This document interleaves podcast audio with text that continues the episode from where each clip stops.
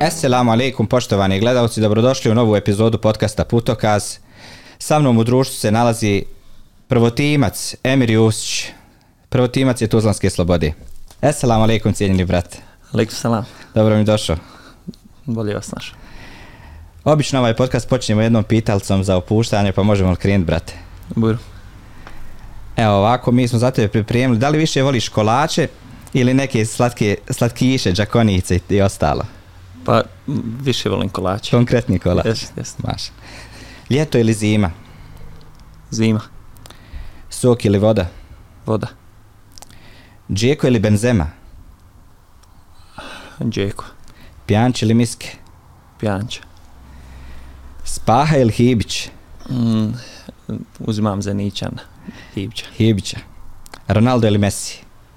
Ronaldo. Mbappe ili Haaland? Mbappe. Ramos ili Van Dijk? Sergio Ramos. Učenje Kur'ana ili noćni namaz? Učenje Kur'ana. Omer radijallahu anhu ili Halid ibn Velid radijallahu anhu? Omer radijallahu anhu. Sabah ili Jacija? Jacija. Šejh Safet ili šejh Elvedin Pezić? E, šejh Safet. Šejh Fahret Kadrić ili šejh Ars Hačimović? Pa šeha Fahreta bi izabrao, s njim ide malo više na predavanje, više se družimo, riječ hvala imam za šeha Arsa. Da je Allah poživio hajr. Amin. Također bi te, brate, moj zamolio je na početku jel, svake naše emisije e, damo gostu pravo da se predstavi, pa evo možeš nas više predstaviti, da nešto čujemo više o tebi. Pa evo, ukratko, Emir Jusić, rođen 1986. godine, oženjen, imam dijete, osnovnu i srednju školu završio u Zenci. Nogometom sam se krenuo baviti sa nekih 7-8 godina, prošao sve omladinske škole nogometnog kluba Čelik i trenutno sam aktivni član futbolske slobode. Znači crveno crna boja ostaje. Jes, jes, sloboda. Cijenjeni brate, da li, se, da li si nešto trenirao u mladosti e, neki drugi sport mimo futbala? Pa nisam, od malena sam krenuo u, u, u futbal. Ono, društvo vas povuče, komšije, svi smo krenuli nekako zajedno tim stopama dole da idemo u Čelik, a rekreativno smo igrali, naravno, mahali basketa, tako da, eto, ono, drugarski. Znači od mali nogu je futbal prevladao. Pa jest.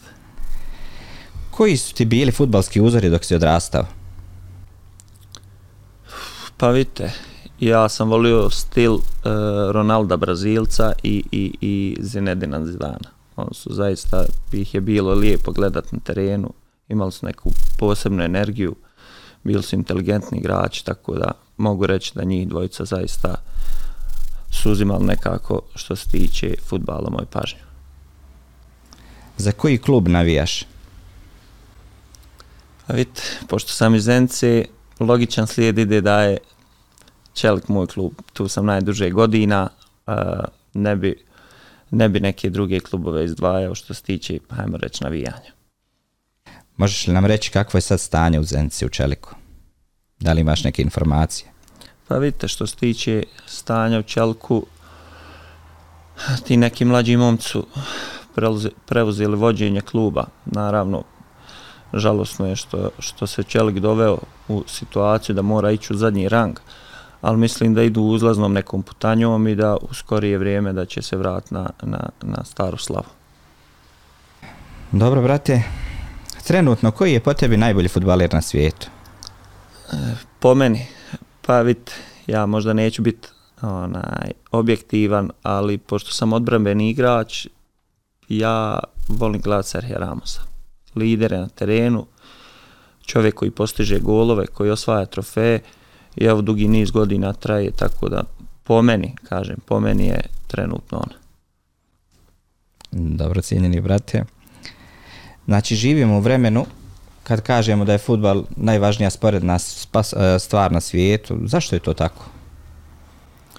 Pa to vam ne mogu sad preciz, precizno nekako reći, ali al uzet ćemo da, da dosta mediji prate futbal, e, dosta novca je u futbalu, e, dosta omladine ide u futbal. Kad uzmete sve gledanost, e,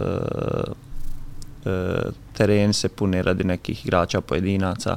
Mislim da je možda kad sve uzmete to onaj, u neki zbir, da je samo zbog toga Da li je to medijski nametnuto?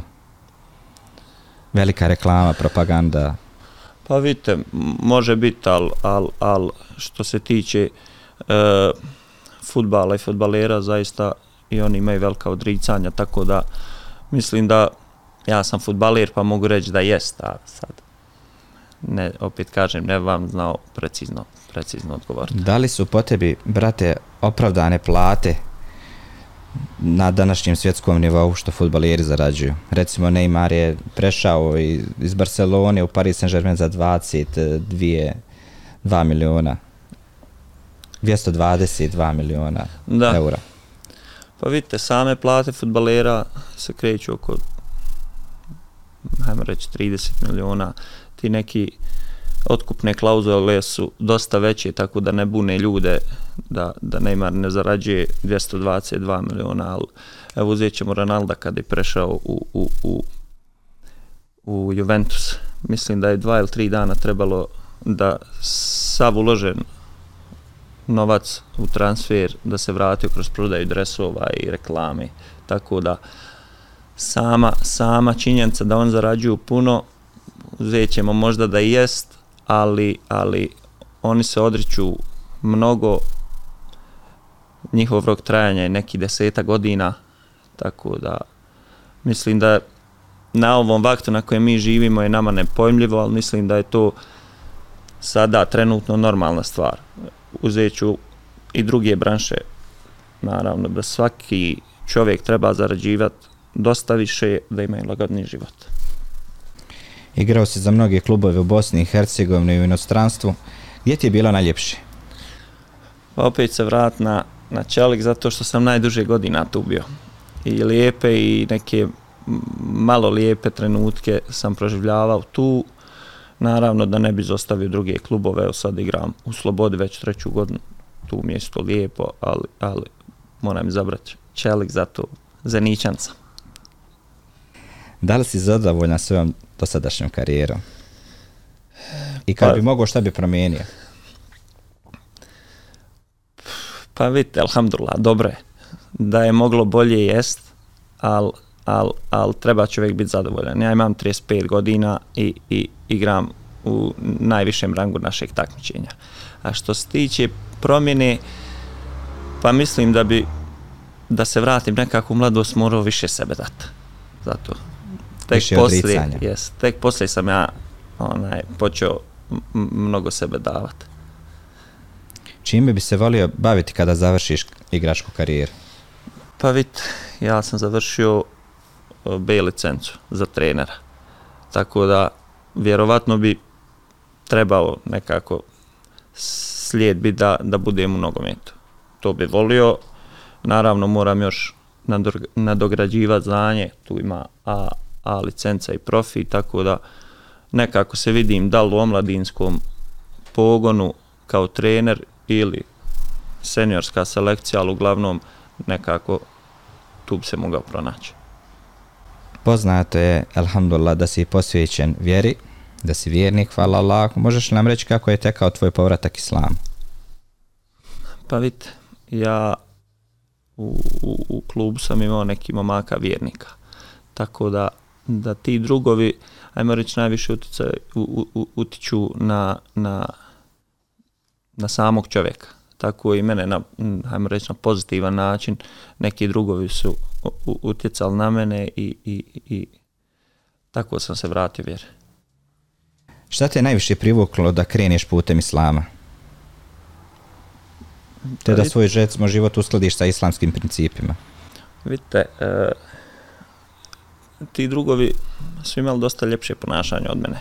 Kad uzmete u obzir moj život prije i, i, i, i sad. Znači, društvo koje, koje se lijepo ponašalo, koje je pomagalo drugima, koje ne kažem ja da nisam, ali oni su to na puno opušteniji, puno ležerniji način radili, tako da vas sa, samo to njihovo ponašanje privuče da, da se i vi okrenete tim putem. Da mi reci, uh, jesu li te poza, pozivali kada ideš sa njima na, u džamiju, na neko možda vjersko predavanje ili neku vjersku aktivnost? Pa ja mislim ko, ko svako kad, kad, kad krene da ide od džume. Prvo, prvo što je bilo ono, džuma, malo čovjek kad, kad ajmo reći nekom krene s tramputicom, malo ga je sramota u džami otići. Kao, šta će ljudi reći? Ali sad, alhamdulillah, nemam s tim problema, nemam ništa. Naravno, kad god ima neko predavanje, ako ne znam, naravno da me pozovu u džami, redova namaz, ide se, tako da, to je to. Mašal, mašal. Recimo, profesionalni futbaler dosta nailazi na mnoge izazove u životu, pogotovo što se kosi sa našom vjerom. Koliko je teško živjeti drugačijim životom u odnosu na druge sportiste? Pa vidite, nije to pretjerano teško ako uzmete u obzir da profesionalni sportista e, ne smije piti alkohol. Ne bi trebao piti alkohol. E, to se kosi s našom vjerom. Stroga zabrana. Tako da neke stvari u islamu mogu pomoći futbalu i općenito profesionalnom sportu, jer zabrana alkohola, zabrana cigareta, zabrana e, nekih stvari nemoralnih, mislim da pomažu futbalu.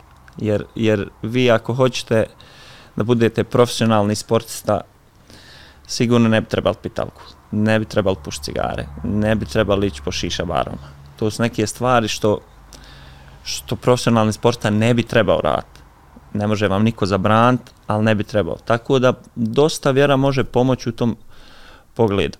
E, uzmite da, da, da je san vrlo bitan za sportistu. I ako vi izađete... Nema tolomarenja do pet ujutro. Tamam tako. Ako, ako to uzmete u obzir, noćni život vam ne ide u prilog za profesionalnu sport. Tako da mislim da, da vjera može dosta pomoći profesionalnu sportisti. Da li si zbog islama morao da se odrekneš nečega značajneg u, značajneg u futbolu?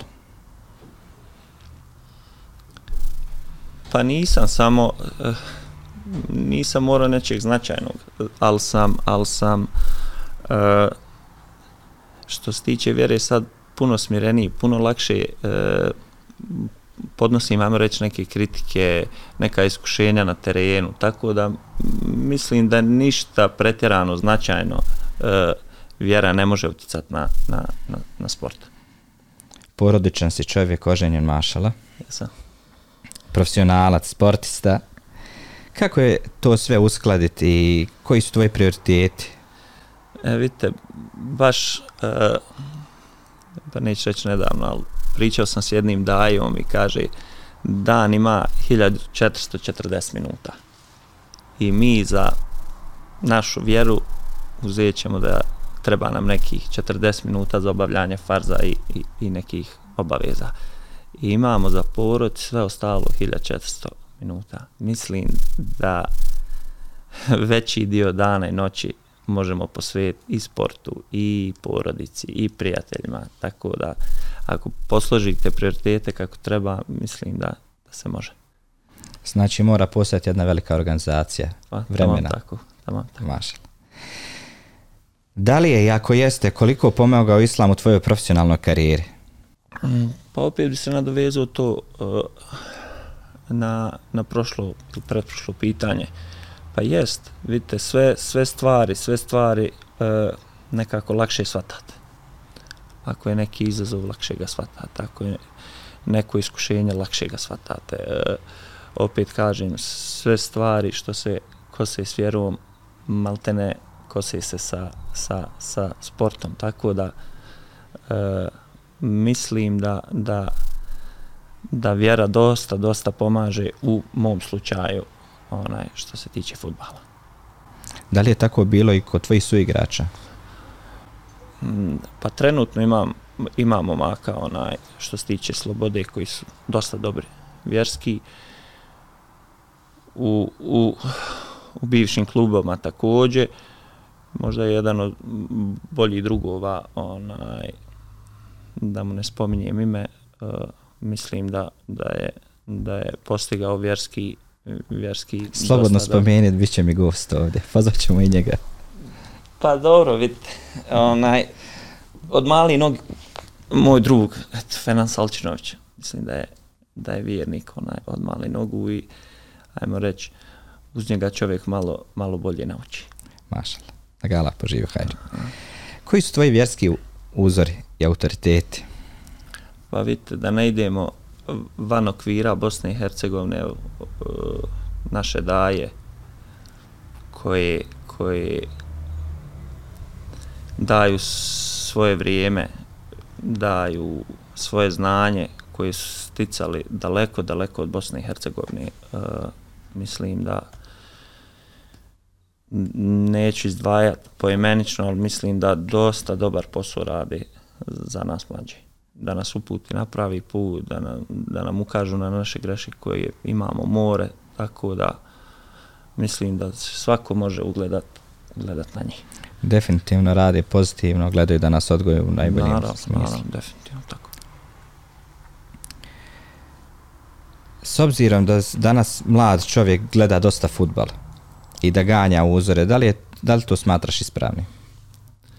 Vidite, možda pratiti nekog futbalera, uh, njegov karijeru je ok, da, da gledate njegov trenažni proces, da, da ajmo reći, neke poteze pokušate kopirati, da, da ishranu pokušate iskopirati koliko je to moguće, to je ok. A pretjerano da, da, da vam to uđe u neku obsesiju, da, da pratite, da vam postane idol, mislim da to, to ne opravdava. Da li si nekad bio diskriminiran s obzirom na tvoju vjeru i uvjerenje? Pa hvala Bog koliko znam nisam. Mislim da nisam. Kako bi ocijenio stanje futbala danas u Bosni i Hercegovini? Pa vidite, futbal ide sigurno uzlaznom putanjom. To, to je neosporno. Možda da, da ajmo reći, država, savez uloži malo više u, u, u terene, u omladinske pogone, u pomoćne terene i sve što, što bi trebalo da bude, da bi bilo puno, puno bolje. Ne kažem da ne rade, sigurno rade koliko je u njihovoj moći, ali mislim ako bi se i ovaj segment popravio da bi bilo još bolje. Kako bi ocijenio recimo stanje islama u Bosni i Hercegovini? Pa isto tako mogu reći da je, da je, da je u uzlaznom smjeru sigurno. Uh, gledajući svi ljudi šta radi za vjeru i, i, i, i, i daju svoje nekako živote i vrijeme, mislim da, da smo na dobrom putu. Opet ću reći, trebamo krenuti sami od sebe da popravimo svoje stanje, da, da bi onda možda malo ocjenjivali malo dublje. Svojim primjerom pokazati. Pa, najbolji. Živiš trenutno u Tuzli. Da. Musliman si, hvala Allahu. Kako bi ocijenio recimo stanje muslimana u Tuzli? Pa ovako, možda mogu neko poređenje, e, pošto sam iz odlično, Zence... Odlično, i... da nam napraviš poređenje iz, recimo između Zence i Tuzle. Pa, poređenje između Zence i Tuzle, e, možda je, možda je, m, ajmo reći, bolje stanje u Tuzli, e, u Zenci, mislim da je bolje stanje u Zenci, možda zato što se ja više družim sa, sa ljudima, vjernicima u Zenci. Sigurno, opet kažem, da je uzlazna putanja i u Tuzli i u Zenci, ali opet mi, mi trebamo sebe popraviti da bi ocjenjivali jednu zajednicu. Jer je to malo nezahvalno ocjenjivati jednu zajednicu. Već nekoliko godina si u Slobodi. Gdje bi volio da završiš svoju igračku karijeru? Pa vidite, ja sam poznim futbalskim godinama i to je neosporno. E, možda je moj ovo posljednji ugovor, ovdje mi je lijepo, ne bi imao ništa protiv da igram još ako me bude zdravlje služilo. Pa, ono, definitivno da završim, da kažem kraj, možda boli u čelku. Da ono kažem, e, neću više da igram, možda bi to u čelku volio da uradim. Vidim, zavolio si Tuzlu, možda i postaneš Tuzlak. Kakve su šanse? Pa, vidite, nemam ništa protiv. Ja sam ovdje treću godinu. Maš. E, zaista u klubu i oko kluba imam drugove, e, ljude koje poštujem, koji me na neki način poštuju, cijene moj rad, tako da ne bi imao ništa protiv da, da, da i ostane tu. Poznato je da su tu zlaci veliki ljubitelji slobode, naravšte fukare. E, možeš li nam nešto izdvojiti šta si najljepše doživio od strane navijača? Pa vidite, ne bi izdvajao možda lično ja, nego, nego u kompletu. Evo, na primjer, nedavno smo imali, igrali jednu utakmicu koju smo izgubili, ali zaista svaki momak je dao svoj maksimum. I primili smo go u 90 i nekoj minuti. Jedna lijepa stvar što me dojmila, iako smo izgubili, dobili smo aplauze i ovacije. Mislim da je to prepoznala publika, onaj, naš rad, naše zalaganje i onda kad izgubite, neće vam niko zamjeriti. Koja je tvoja najdraža utakmica? Najdraža utakmica? Pa možda uh, jedno vrijeme u Čelku je malo vladala, ajmo reći, da ne kažem, ružna situacija. I onda, poslije nekog bojkota navijača, poslije dvije godine, on se vratili. Jedna utakmica, baš prvo kolo, dolazio iz Rinski i poslije tog bojkota, mislim, između 10 i 12 hiljada da, da je onaj došlo navijača, tako da mogu nju izdvojiti kao jedno od dražih utakmica. Znači, bilo na polje i vrilo? Jeste. Koji ti je najdraži gol koji si postigao?